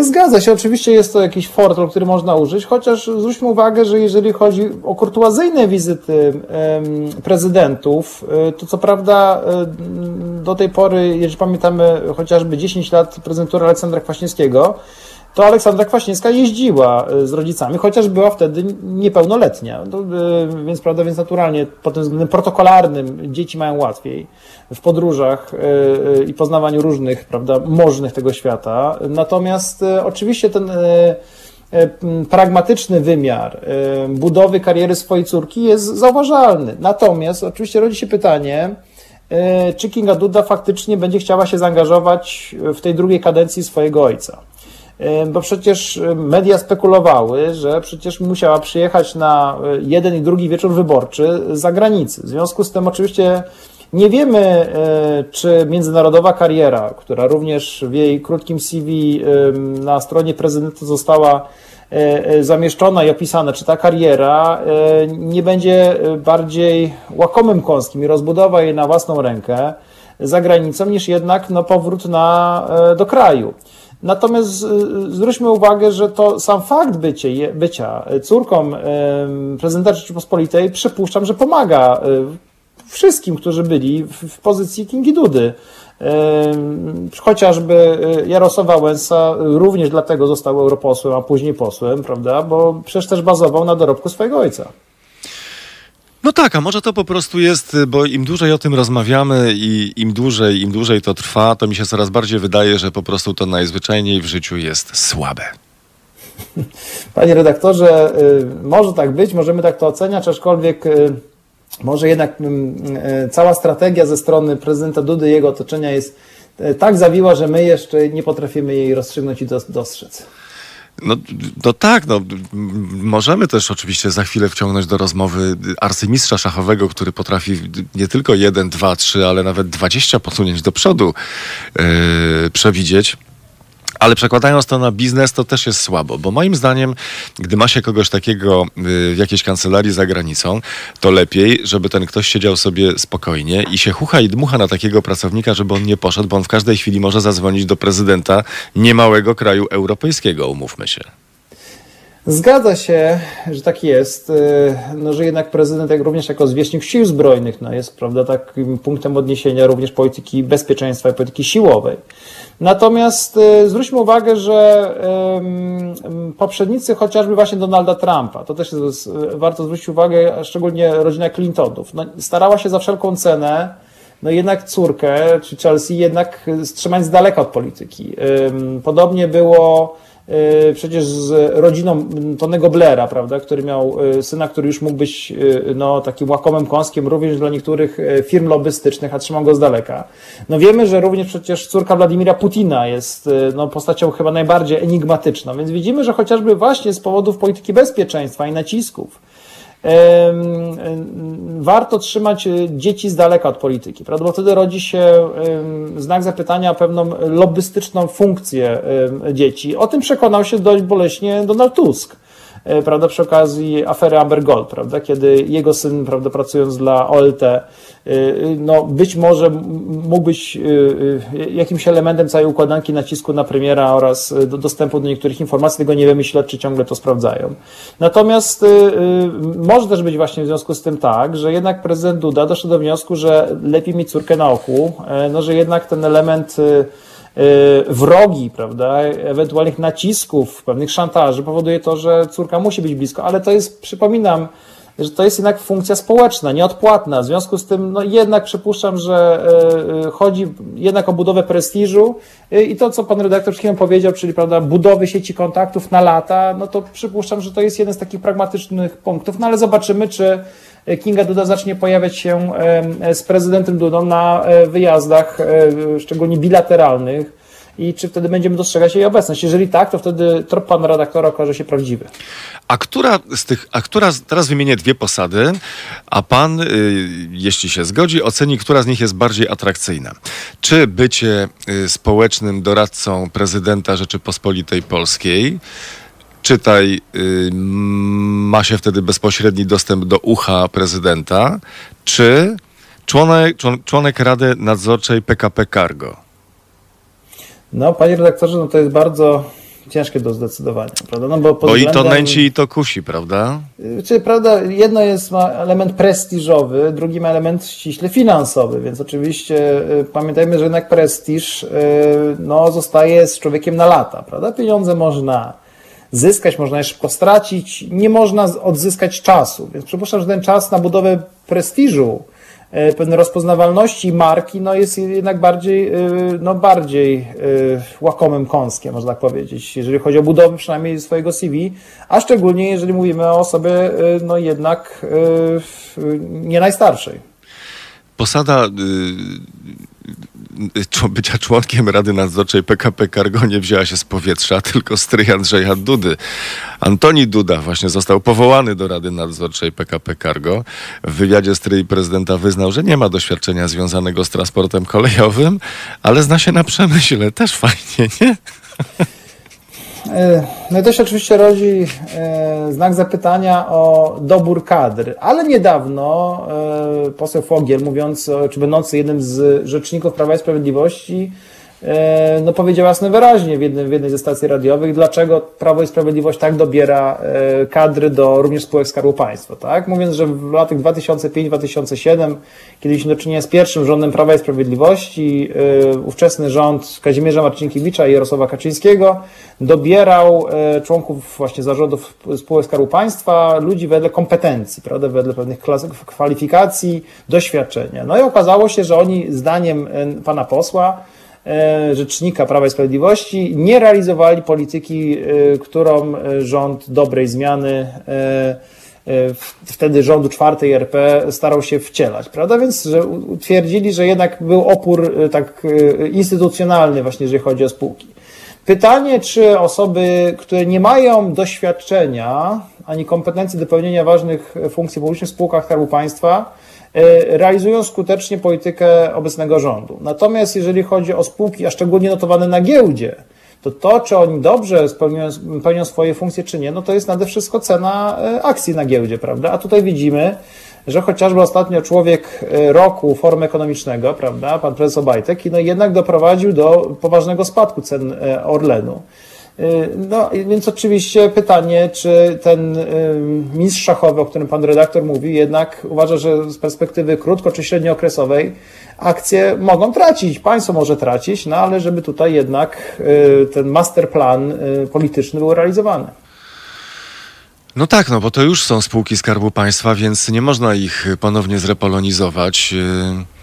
No bo jak? Więc w zasadzie niech się martwią tylko ci, którzy kupowali akcje po wyższej cenie, a teraz yy, ich portfel yy, jest wart yy, o wiele, wiele mniej. Bo ile tam było? 20 spółek Skarbu Państwa w ciągu ostatnich pięciu lat y, straciło 23%. Znaczy, gdybyśmy my zainwestowali pieniądze, to byśmy stracili około 23% 3% na zainwestowanych pieniądzach. No to, to my tracimy, tak?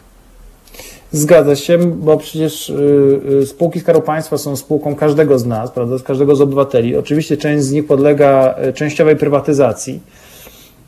Natomiast oczywiście pytanie, czy to, że tracimy no, w zasadzie jedną piątą no, naszego dobrostanu, czy wpływa na pewne oburzenie polityczne. No widzimy, że oczywiście tak, ale jednak mniejszości polskiego społeczeństwa. Przecież Prawo i Sprawiedliwość utrzymało w ciągu ostatnich lat pozycję hegemona na polskiej scenie politycznej. E, Więc tutaj widzimy, że jednak ten argument e, straty wartości spółek Skarbu Państwa nie jest jakoś fundamentalnie e, rażący dla wielu z nas. Natomiast oczywiście pytanie, czy w sytuacji postpandemicznej, albo wtedy, kiedy się mierzymy z mm, wzrostem nakładów na służbę zdrowia i również tego, że państwo powinno być zwyczajnie silniejsze ekonomicznie, czy nie jest to z- ze stratą dla również bezpieczeństwa naszych obywateli. E, Ale panie redaktorze, to przypuszczam, że to są no, pytania, na które jeszcze długo nie, nie znajdziemy na nie odpowiedzi niestety. A jak wytłumaczyć, y, jak wytłumaczyć coś takiego, że gdyby zapytać, y, postawić pytanie w ankiecie, y, czy podobać się coś takiego, że zatrudnia się swojego własnego stryja w, w Radzie Nadzorczej jakiejś państwowej spółki, mm, albo czy zatrudnia się, zatrudnia się albo jest blisko no właśnie jak to nazwać, no, no bo nie można mówić o zatrudnieniu, tylko no, że jest doradcą, no ale jednak polega się, o, polega się na zdaniu takiej osoby jak, y, jak swoje własne dziecko, będąc na urzędzie, y, pełniąc, piastując urząd prezydenta, prezydenta Polski, to gdyby postawić takie pytanie, to podejrzewam, że, a może się mylę, Polacy, Polki, Polacy powiedzieliby, no nie, no tak się nie robi. A z drugiej strony, gdy popatrzymy na sondaże, a co ciekawsze, popatrzymy na, na yy, yy, wynik wyborczy, to okazuje się, że jednak yy, te rzeczy akurat nie mają kompletnie żadnego znaczenia. Mają i nie mają, panie redaktorze, bo co jest ciekawe, to jest jak zapytamy o motywację wyborców Prawa i Sprawiedliwości. To już, to już było dużo badań na ten temat, również zaraz po samych wyborach i w czasie kam, y, kampanii wyborczej. Tej pre, parlamentarnej nade wszystko, ale również prezydenckiej. Jaka była odpowiedź lwiej części prawa, wyborców Prawa i Sprawiedliwości? To nie jest tak, że wyborcy Prawa i Sprawiedliwości po pierwsze są monolitem. To jest tak, że oczywiście są różne motywacje wyborcze, dlaczego większość Polek i Polaków głosuje na partię Jarosława Kaczyńskiego. I to jest tak, że te kwestie dotyczące nepotyzmu, nadużyć, yy, no, marnotrawienia części środków, chociażby na e, wybory kopertowe, które jeszcze od wczoraj tym bardziej stają się problematyczne dla obecnej władzy.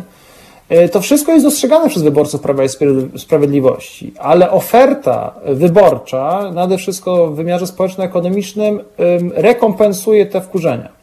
I e, co jeszcze wychodzi z badań, e, że oferta e, opozycji nie jest w ogóle atrakcyjna. W sensie oczywiście chodzi nie tylko o 500, politykę 500, o trzynastą emeryturę, czy jak to mówi Jarosław Kaczyński, prze, przełamanie imposybilizmu w polskiej polityce, no ale jednak sprawną, e, całościową narrację, prawda, którą Prawo i Sprawiedliwość jednak Polkom i Polakom dostarcza. Więc innymi słowy, e, e, nie jest tak, że każdy wyborca Prawa i Sprawiedliwości godzi się z tym, co ma miejsce i przypuszczam, że również funkcje nepotyzmu, które są powszechnie znane, nie tylko tego rządu, ale również poprzednich, w ogóle z reguły irytują wyborców. Natomiast wybory można jakby wygrać, albo można je przegrać. I mam wrażenie, że nade wszystko w ciągu ostatnich lat y, to opozycja przegrywa wybory niż Prawo i je wygrywa, bo po prostu popełnia również mniej e, fundamentalnych błędów, czego ostatnim przykładem jest chociażby głosowanie za podwyżkami e,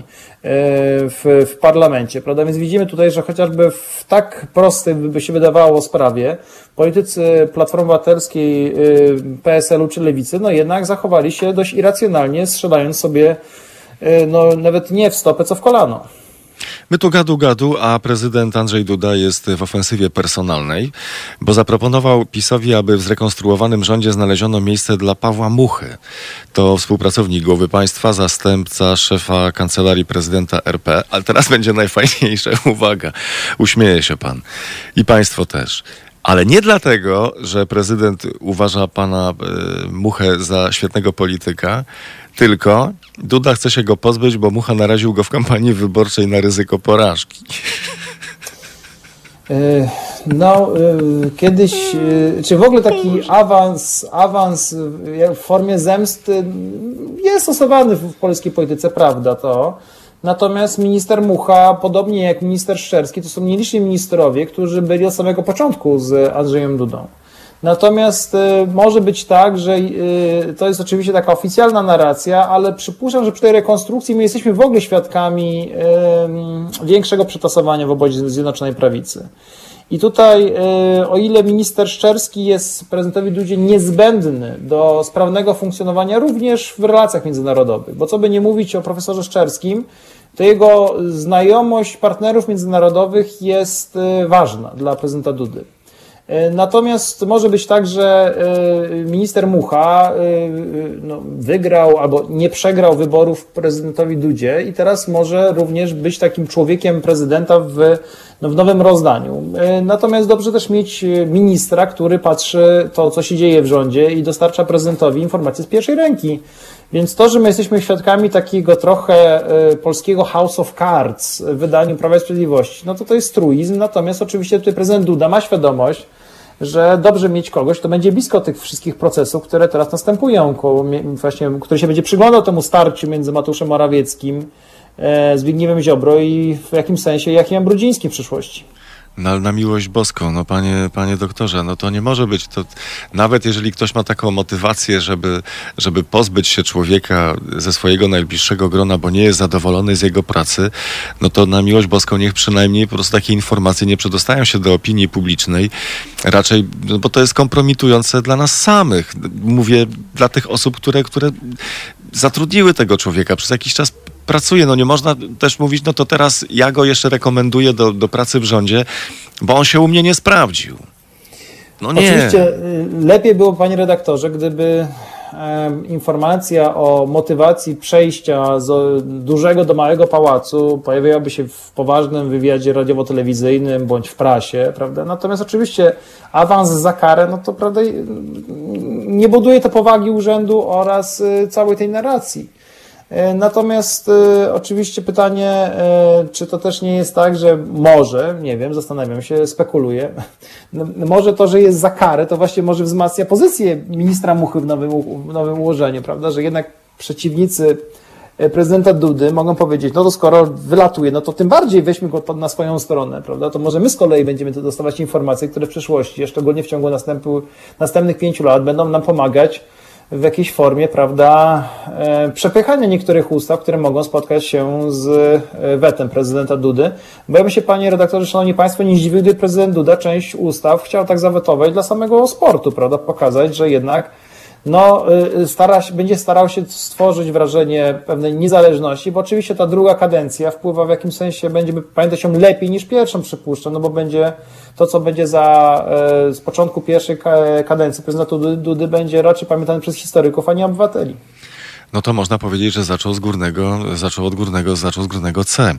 A też pomyślałem sobie tak, że yy, yy, córka zostaje doradcą, tak, jakieś dwa tygodnie temu, gdzieś tak przemknęła tylko taka, taka wiadomość. Wtedy do niej, nie przywiązałem do niej wagi, ale teraz zaczyna mi się to układać w logiczną całość. Może żona na prezydenta. No, prezydent Trump tak ogłosił swego czasu, spuścił taki ym, spot wyborczy jeszcze w czasie pierwszej swojej kadencji gdzie nazwisko Trump y, powtarzało się co 4 lata przez tam, prawda, chyba 20, no bo tylu ma dzieci, tyle ma dzieci, prawda? Nawet ostatnio y, w czasie nominacji, którą otrzymał w, od Partii Republikańskiej, no tam y, Trumpów to wystąpiła taka ferajna, żeby to, prawda, się w warszawskim tramwaju mogli nie pomieścić, prawda, krótkim. Ale tak było, więc oczywiście taka mm, chęć przedłużenia swojej bytności politycznej, swojego nazwiska, występuje w partiach y, y, nawet bardzo osadzonych demokracjach. Prawda? Pamiętamy, że jeszcze zanim ktokolwiek poważnie rozważał kandydaturę Donalda Trumpa w wyborach, e, prawyborach Partii Republikańskiej, no to większość komentatorów politycznych w Stanach Zjednoczonych y, przypuszczała, że w drugiej, czy w, w, w samych wyborach spotka się Hillary Clinton i Jeb Bush, prawda? No więc to też pokazywało w jakimś sensie, jak bardzo nawet w tradycyjnych demokracjach, e, takich doświadczonych, ten, taka tendencja do monopolizowania polityki ze strony rodzin funkcjonuje. No i również, tak jak już wcześniej rzeczony serial kultury popularnej, House of Cards też pokazywał, prawda, że rodzina Underwoodów Y, no też y, w jakimś sensie chciała sobie y, no, zagwarantować wieloletnią kadencję, nie ograniczając się do dwóch kadencji. Potrafi pan sobie wyobrazić coś jeszcze bardziej absurdalnego? Czy woli pan sobie nie wyobrażać, bo a nuż ktoś to podchwyci i zechce wprowadzić w życie? Czy to, że, to, że rodziny polityczne, również w demokracjach będą starać się odgrywać dużą rolę, mnie nie dziwi, bo widzę to w Stanach Zjednoczonych, prawda? E, natomiast e, e, jest zwyczaj polityczny, prawda, również w Europie Zachodniej, że część przecież polityków jakby jest z pokolenia na pokolenie. No przecież premier Papandreou, prawda, który był no, w jakimś sensie kontynuatorem swojego ojca, który był świadkiem narodzin suwerennej Grecji. No więc oczywiście to, to ma znaczenie i przypuszczam, żebyśmy się zapytali chociażby do dzisiaj, czy e, Jolanta Kwaśniewska byłaby postrzegana przez część wyborców i wyborczyń jako dobra kandydatka na prezydenta, to ciągle pani Jolanta Kwaśniewska była pierwsza dama, ma bardzo dobrą e, opinię, prawda? Więc widzimy, że może być tak, że szczególnie jeżeli chodzi o urząd prezydenta, że jednak w nas tkwi jakiś taki postfeudalny syndrom, że my byśmy chcieli, że prawda, tak jak były dynastie, E, Piastów, Jagiellonów, a później Wazów, prawda, to jeszcze w ramach wolnej lekcji, że jednak byśmy chcieli, może część z nas, takiej, takiej kontynuacji. Oczywiście jest to e, smutny obraz, e, bardzo niedemokratyczny, Natomiast to, że będziemy mieli do czynienia z pewną oligarchizacją polskiej polityki w niektórych rodzinach, no przypuszczam, że to zwyczajnie nastąpi, tak. A być może najsłynniejsza rodzina Kennedy e, w Stanach Zjednoczonych. W jaki sposób budowała swoją pozycję? Czy zaczęli od biznesu do polityki, po to, żeby przez politykę wrócić do biznesu, mieć jeszcze większy biznes, a potem jeszcze większą władzę, jeszcze większy biznes i tak w kółko? Czy zaczęli od polityki, potem biznes i tak w kółko?